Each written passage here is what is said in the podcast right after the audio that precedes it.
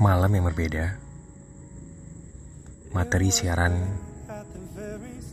dengan headline semangat dan caranya seolah nggak bisa mengubah dan memberi efek sedikit pun pada keadaan. Ada yang salah dengan perasaanku malam ini. Begitu juga dengan beberapa hari terakhir ini. Aneh dan gak nyaman. Kehilangan orientasi waktu, kehilangan mood, dan bahkan mungkin gairah untuk melawan hari. Terbujur kaku dengan tingkat kelinglungan yang masih tergolong setengah wajar. Ada yang hilang, yang membuatku bukan lagi aku yang ku kenal.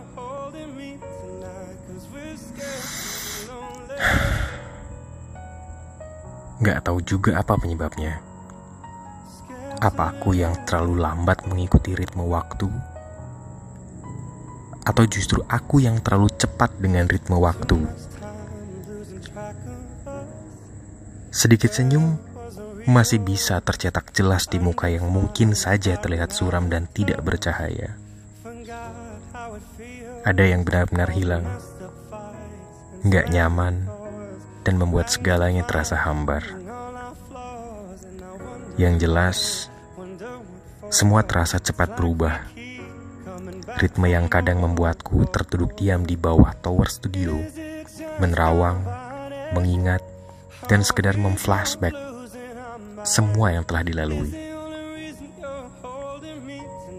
Dalam sekejap saja muncul memori-memori masa sekolah, SMA, masa mencicipi college, masa perantauan, atau sekedar sedikit waktu saat bersama sahabatku dulu. Mengikuti memori-memori yang tergambar cerdas, seperti menonton film di bioskop membuatku stuck dan gak akan berjalan. Terpaku dalam kesenduan sore hari saat duduk menerawang. Tapi setidaknya aku bisa beristirahat dari cepatnya akselerasi perubahan waktu yang terkadang terasa menindas hidup.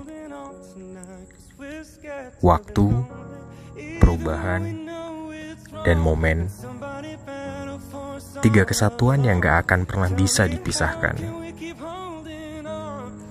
Selalu ada masanya, selalu ada waktunya, selalu ada bagaimana, selalu ada sesi ceritanya.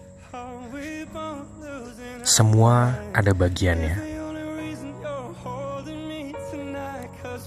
Semakin cepat waktu, semakin cepat cerita berjalan, semakin banyak cerita yang berganti menjadi simpanan memori.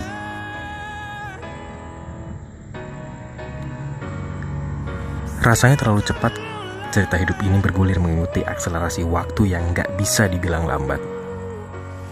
Baru saja aku cecap Desember sekarang sudah menjelang Mei yang mulai menua. Baru saja dicecap 2007, 2011, sekarang 2020 dengan cerita yang jauh lebih rumit dan matang. Dunia berubah, berjilid-jilid cerita hidup sudah tercetak. Waktu juga semakin cepat bergulir sesuai dengan hukumnya. Masih saja ku merasa aneh dengan jet lag dan gegar cerita ini. Ada sesuatu yang hilang. Entah karena ku terlalu cepat mengikuti ritme waktu, atau memang aku yang belum bisa.